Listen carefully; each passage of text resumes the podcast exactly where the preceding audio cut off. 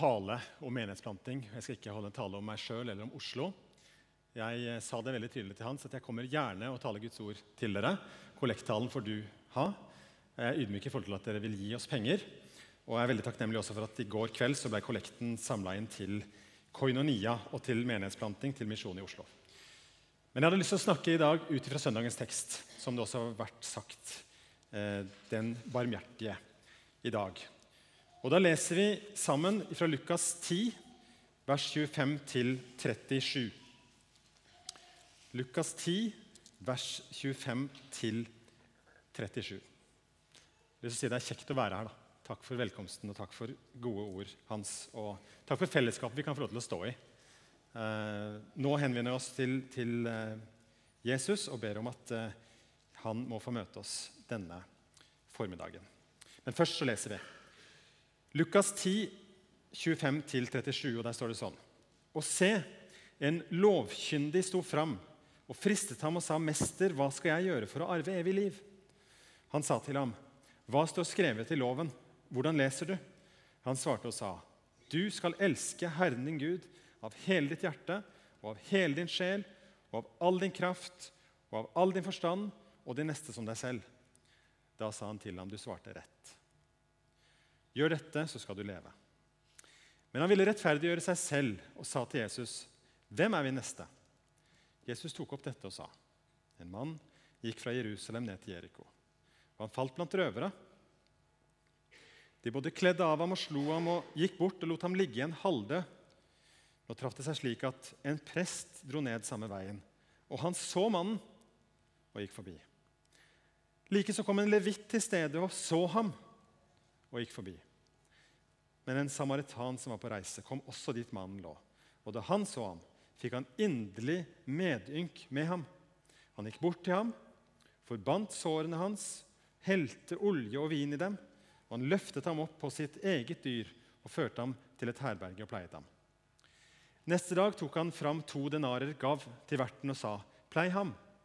Og hva mer du måtte legge ut, så skal jeg betale deg igjen når jeg kommer tilbake.' Hvem av disse tre synes du nå viste seg som en neste for ham som var falt blant røvere? Han sa, 'Den som viste barmhjertighet mot ham.' Da sa Jesus til ham, 'Gå du bort og gjør likeså.' Denne teksten har du hørt mange ganger.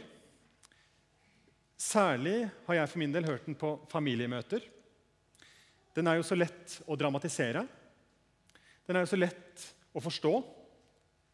Det er bare om å gjøre å være som den barmhjertige samaritan. Om å gjøre å ikke gå forbi den som er falt blant røvere. Og det folkens, er et helt overkommelig prosjekt. Jeg er 37 år og har til denne dag aldri gått forbi en som er falt blant røvere. Det er fullt mulig å lese denne beretningen, lese denne lignelsen fra Jesus på en sånn måte at den rammer alle andre enn oss sjøl. Det taper vi på. Og det taper vår neste på. Nå skal vi se litt på den lignelsen, men vi skal først se på de versene som leder fram til lignelsen, Jesus' samtale med den lovkyndige. Og Før vi går på det, så skal vi be. Kjære Jesus. Takk at du har samla oss omkring ditt ord. Og Herre, jeg har lyst til å be om et gjennombrudd inn i den usynlige verden, Herre. Knus hjertet vårt, Herre, for det som knuser ditt. La oss få litt av ditt sinnelag.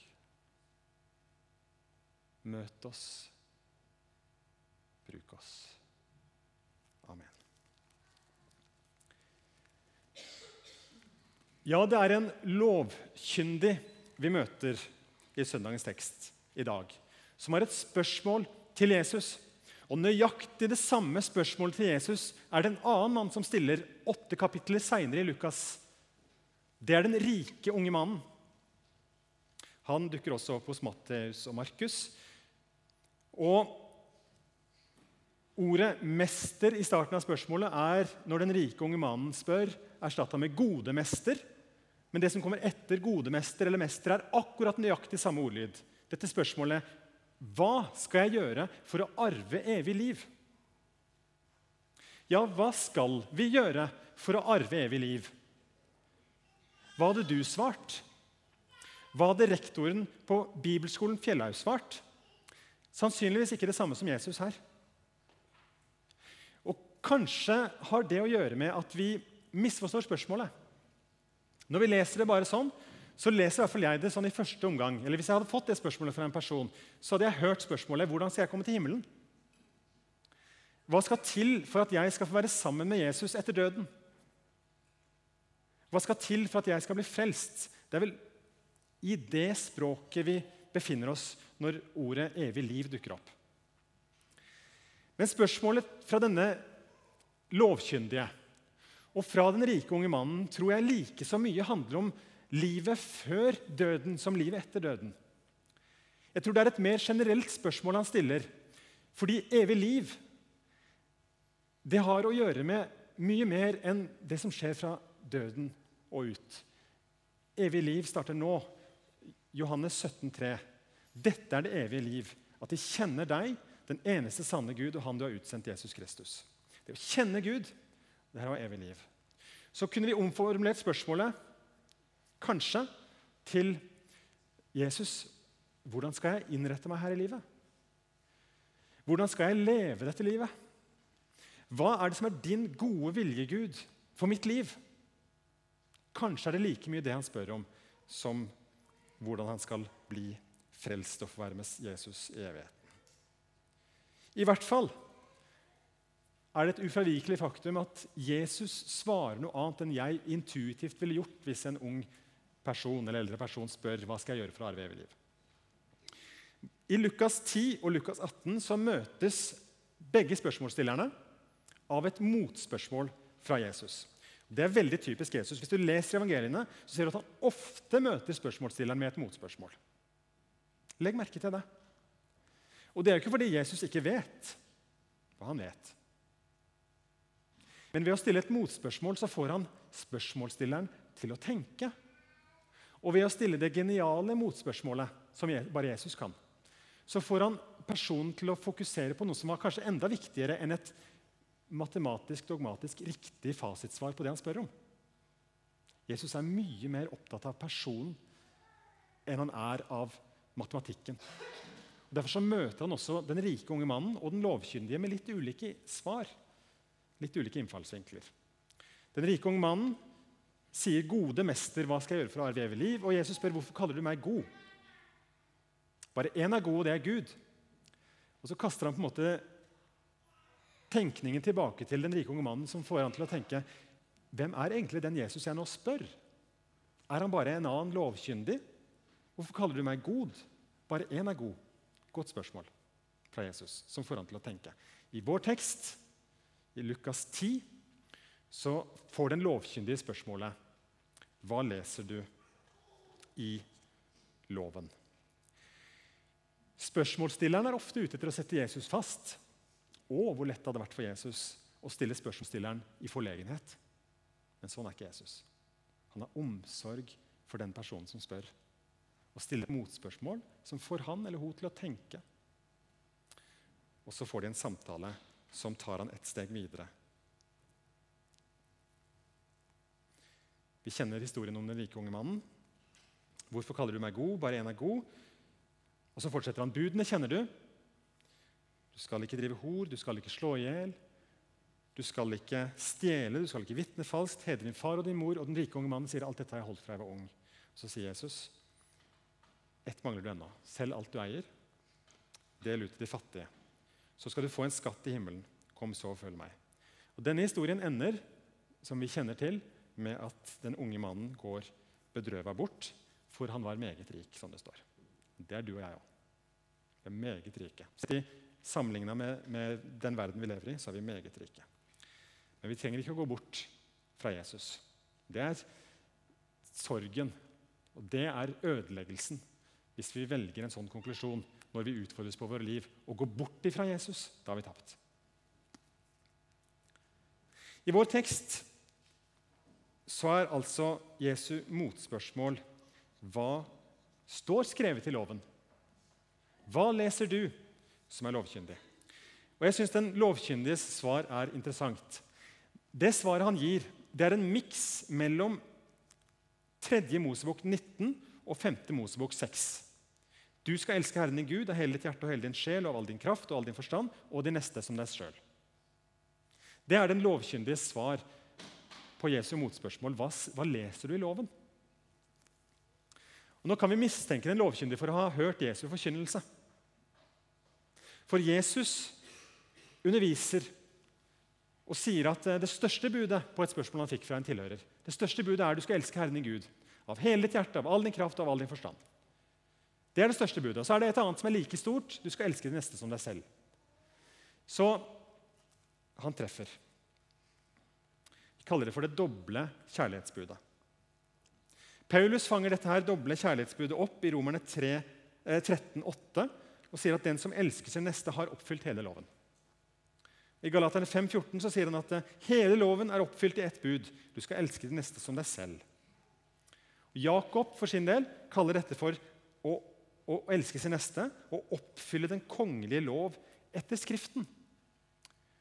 Kjære Salem gård. Ingen av oss trenger å være i tvil om hva som er Guds gode vilje. For oss og for de som ikke kaller seg med Jesu navn. Guds gode vilje er å elske Gud, elske hverandre, elske vår neste. En enkel oppskrift på å være menighet. At alt vi gjør, kan få ære vår skaper. Kan få være innretta sånn at vi hjelper hverandre til å vise hverandre kjærlighet. Og at vi kan hjelpe hverandre til å løfte blikket vårt ut av utenfor veggene til de som går innafor en kristen menighet. Elske de. Det er Guds gode vilje for ditt liv. Det er Guds gode vilje for ditt liv. Og Jesu nåde, Jesu fullbrakte vers på korset, frelsesverket som handler om at han har gjort det for deg, det fritar ikke oss fra tyngden av Guds vilje for våre liv. Det at vi er frelst ufortjent og ikke kan legge en tøddel til for å blidgjøre Gud til vår frelse, det fritar ikke oss fra å leve et liv etter hans vilje. Fra å leve et liv fylt av Han. Elske Han, elske hverandre, elske de som ikke er i forsamlingen. La det stå fast. Den lovkyndige han kan ha hørt Jesu forkynnelse. Han kan ha flaks, eller han kan ha profetisk innsikt. Det vet vi ikke. Men han svarte rett. Og det er Noen som tror at sann åndelighet det kjennetegnes av å svare rett. Og For å være helt sikker på å svare rett så må vi si det samme som autoritetene. Det gjør denne mannen. Og Ganske riktig så får han stjerne i boka av Jesus. Jesus sier du svarte rett. Men Jesus lar han ikke stoppe der, for på en måte så kunne mannen da gått fornøyd hjem. Han er lovkyndig, og Jesus, som går for å være en autoritetsperson i disse spørsmåla, han ga meg rett. Jeg har skjønt mye, og han, jeg ser for meg at han så seg om etter en fluktmulighet til å komme seg unna og avbryte samtalen der. For det var i grunnen det han var litt ute etter. Å få en bekreftelse av Jesus på at han var, at han hadde visdom. Men Jesus henger på en ting etter at han sier 'du svarte rett', så sier han 'gjør dette, så skal du leve'. Da ble det straks mer utfordrende for ham. Jeg har en følelse at den lovkyndige ønsker å være der i meningenes verden. Ønsker å være der i teorienes verden. Så han eh, utfordrer Jesus tilbake og sier, tar fatt i et av ordene han brukte, og så sier han 'Hvem er min neste?' Og Jesus bruker anledningen til å fortelle en lignelse. Han bruker anledningen til å ta den lovkyndige fra teorienes verden, fra meningenes verden, til virkelighetens verden, der mennesker lever som er overgitt til syndere. Overgitt til mennesker som påfører oss skade. Til virkelighetens verden, der noen blir utsatt for andre på en sånn måte at vi blir skadelidende. Røvere herjer, Egoismen råder. Mennesker lider. Den virkelighetens verden befinner du og jeg oss i også. Mark Twain skal ha sagt det er ikke de ordene i Bibelen jeg forstår, som er mitt problem. Eller ikke forstår, sa han. Det er ikke de ordene i Bibelen jeg ikke forstår, som er vanskelige, men de ordene jeg forstår.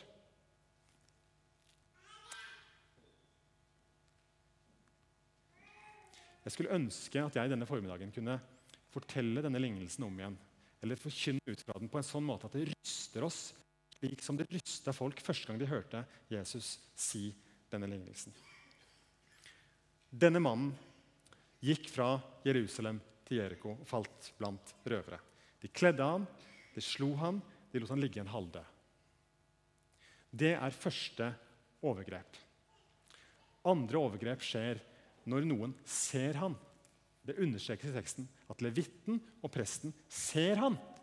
Det er ikke det at de går forbi fordi de ikke ser han. De er så opptatt av andre ting. De ser han, de ser han, de går forbi. Den som stanser opp, er en samaritan. En som ifølge jødene ikke hadde teologien i orden. Og en som i tillegg til det var av blanda rase. Det er altså, Rasisme spiller også inn her. Så en slik en, en innvandrer med en uklar teologi, er han Jesus løfter fram som helten her. En samaritan. Han oppfører seg som en neste mot han som var falt blant røvere. Den lovkyndige, tror jeg, ble rysta da han hørte det. Han klarte ikke å kalle han samaritanen av de tre. Han kaller han bare han som, han som stansa opp, han som gjorde det, viste nestekjærlighet, han som Og her er vi. Hvordan skal, skal vi bli rysta, ramma av Guds ord denne formiddagen? Hvordan skal Gud kunne klare å ryste også meg? Vi som lever i velferdsstaten Norge, som betaler inn vår skatt for at staten skal ta omsorg for våre barn store, deler av døgnet. At staten skal ta omsorg for våre syke og for våre eldre. Vi som så lett hiver oss inn i hylekoret og ber om mer politi i gatene Strengere straffer for lovbrytere. Ber om at innvandrerne må bli stengt ute. At gatene må være rene. Vi som ikke trenger å forholde oss verken til lovbrytere eller de som er lovbryternes offer, sånn i det daglige. Vi har trygge hjem med gode låser. Vi har flotte forsamlingshus som vi går inn i. Og vi trenger egentlig ikke å forholde oss til det. I Matteus 5 så sier Jesus 'elsk dine fiender'. Og Han konkretiserte det med noen ting. Han sa For dette også kan vi leve i teoriens verden i forhold til. Elsk dine fiender. Ja, jeg elsker mine fjerne fiender. De som er langt borte og som er hatsk innstilt mot meg, jeg elsker de her jeg sitter i sofaen. Men Jesus brukte noen konkrete eksempler. Han sa hvis noen slår deg på ditt høyre kinn, så vend det andre til. Og Hvis noen tar fra deg skjorta di, så gi han kappa også. Og Hvis noen tvinger deg til å gå en mil, så gå to med ham. Og Det siste eksempelet må jeg forklare. Fordi det var nemlig sånn at Israelsfolket var okkupert av romerne. Og det var en lovregel som var sånn at hvis en romer treffer en av de menneskene i et av de landene vi har okkupert, og, og, og romeren har noe tungt å bære så har romeren lov til å si hei, hei, du der borte. Kom bort hit og hjelp meg å bære kofferten min. Én mil, men ikke mer. Hvis han tvinga han til å bære kofferten mer enn én mil, så var han en lovbryter. Men inntil én mil altså var begrensning på galskapen. Inntil én mil så kunne en romersk borger si til hvem som helst ikke-romer innenfor okkuperte grenser Kom her, hjelp meg å bære kofferten min. Jeg er på reise, jeg har gått langt. Og der er du. Her er jeg. Følg meg en mil. Bær kofferten min. Tenk deg den, de oppspilte øynene og den forbauselsen. De første kristne som har lest Jesu undervisning, og som kues av romerne. Skatter og terrorhandlinger daglig. Og Det kommer en romer, en del av denne okkupasjonsmakten, og sier hei, hei du, kom og bær kofferten med meg i en mil. Og Når den milen er til ende, så sier han jeg følger deg en mil til. jeg. av kjærlighet. Det reiser noen spørsmål, gjør det ikke det? Men hvorfor jeg har møtt Jesus? Og Jesus har møtt meg med så mye kjærlighet at jeg har lyst til å bare gå en mil til med deg. Skal vi snakke litt om Jesus? Hvis noen tvinger deg til å gå en mil, så gå en mil til med ham. Jesu konkretisering av budet 'elsk dine fiender'.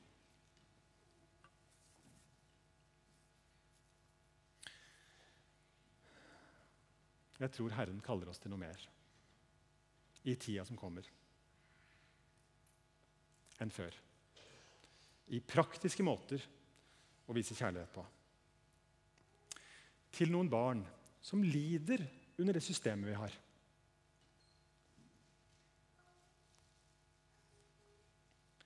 Til noen syke og ensomme som lider under det systemet vi har.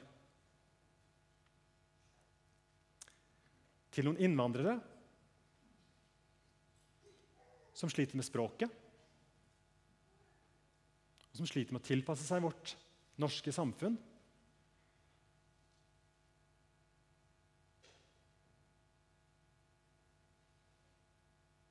Og noen av de har også krigstraumer, vanskeligheter.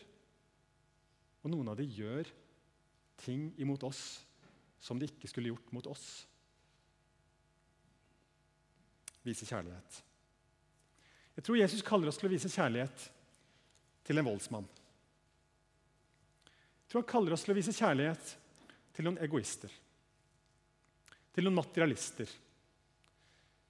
Til noen næringslivstopper som har huden full av dårlig samvittighet fordi de ikke har tid til sine barn.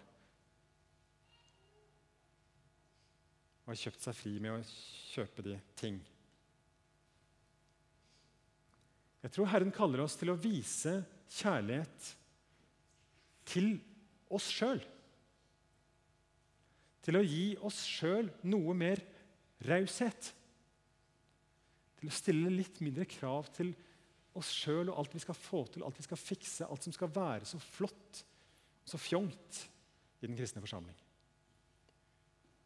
Elske de neste som hvem da? Som hva da? Deg selv.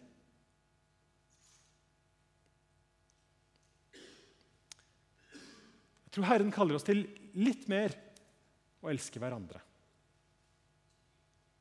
Og til litt mer å elske Han som har skapt oss. Jeg tror at i denne flotte, rike oljenasjonen Norge så er kjærligheten i ferd med å bli kald hos de fleste. Men kjærligheten er ikke kald, kjærligheten er varm.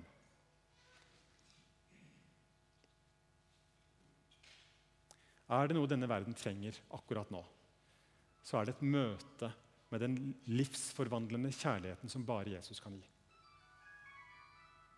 Det tror jeg. Og Skal de få et glimt av denne livsforvandlende kjærligheten, så tror jeg de, de må få se det gjennom deg og meg.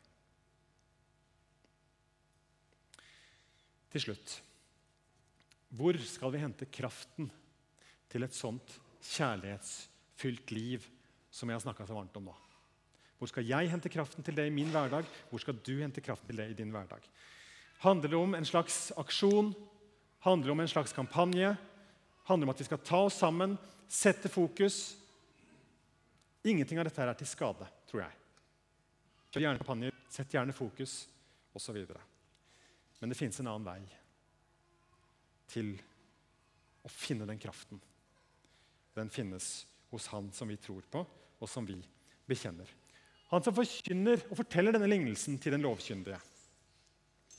Det er ikke uvanlig å lese historien om den barmhjertige samaritan som en historie om Jesus.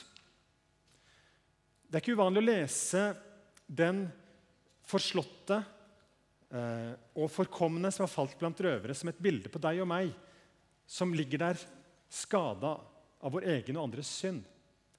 Og Den barmhjertige samaritan som kommer, og som eh, pleier sårene, som, som bløter opp sårene, og som løfter pasienten opp på et esel, som tar han med til et herberge, betaler for han, og som gjør en avtale med verten og sier at skulle det være flere utlegg, så tar jeg også de. Det er ikke uvanlig å lese det som en beretning om den Jesus som ønsker å møte mennesker inn i deres liv, inn i de behova som de har. Å være en lege både for synd og sykdom og de mange behov som vi måtte ha. Jesus er den barmhjertige samaritan. Og Jeg leser dette ordet 'inderlig medynk'. Når jeg ser dette doble ordet og hører Jesus fortelle om den barmhjertige samaritan, og så sier han når han så han, fikk han inderlig medynk med ham. Så finner jeg at akkurat det samme ordparet finner jeg i Matteus kapittel 9.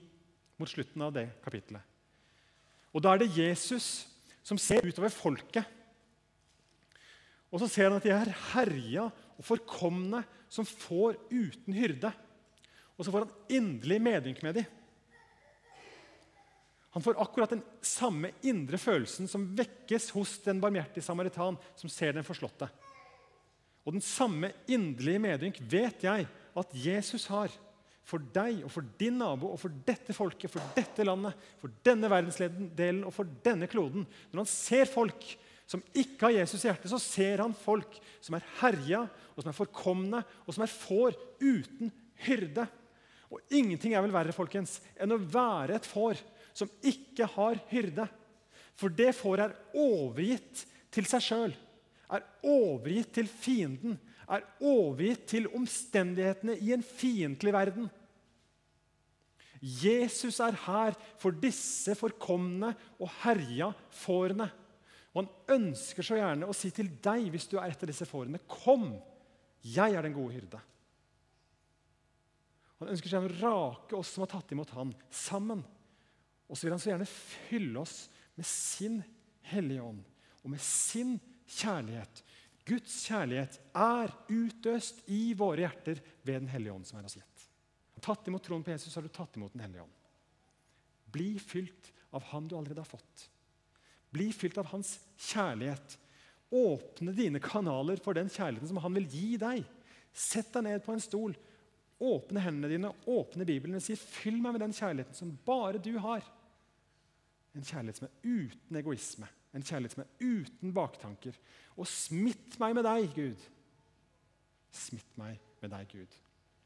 Han har et annet blikk enn du og jeg har. Og Det blikket det ser realiteten som vi ikke ser, av et folk som tross ytre velstand og tross mange ting som ser bra ut, er herja og er forkomne, som får uten hyrde. Og det er den store nøden. Og det er det store kallet til deg og meg. Etter Jesus har kalt oss, etter at han er vekka til inderlig medring for dem, fordi de er som får, som er herja og forkomne og uten hyrde, så sier han til disiplene sine høsten er stor, og arbeiderne er få. Be derfor høstens herre at han skal drive arbeidere ut i sin høst. Høsten er stor, høsten er nær. Vi arbeider i vinflokken.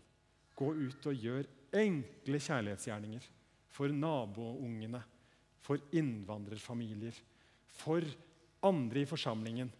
Og så takker vi og ærer vi vår skaper for at han elsker oss først. Og at den kjærligheten som vi skal elske andre med, det er en gave som vi bringer videre. En åndens frukt som ikke vi kan produsere, men som kommer hvis vi har et liv som er kobla fast på Herren Jesus. La oss be. Herre, det singler i glasshuset når jeg tar om nestekjærlighet. Jeg trenger deg, Jesus, til å vekke meg opp for andres nød. Vi trenger hverandre, Herre, til å oppmuntre hverandre til gode gjerninger. Takk for din godhet imot oss. Takk at du kan, takk at du vil, og driv arbeidere ut i din høst. La oss få se en ny tid for kristenheten i dette landet der vi raker glørne sammen, står skulder ved skulder, elsker hverandre, elsker deg og elsker de som ikke ennå har tatt imot deg, inn i ditt rike. Velsign flokken her til det.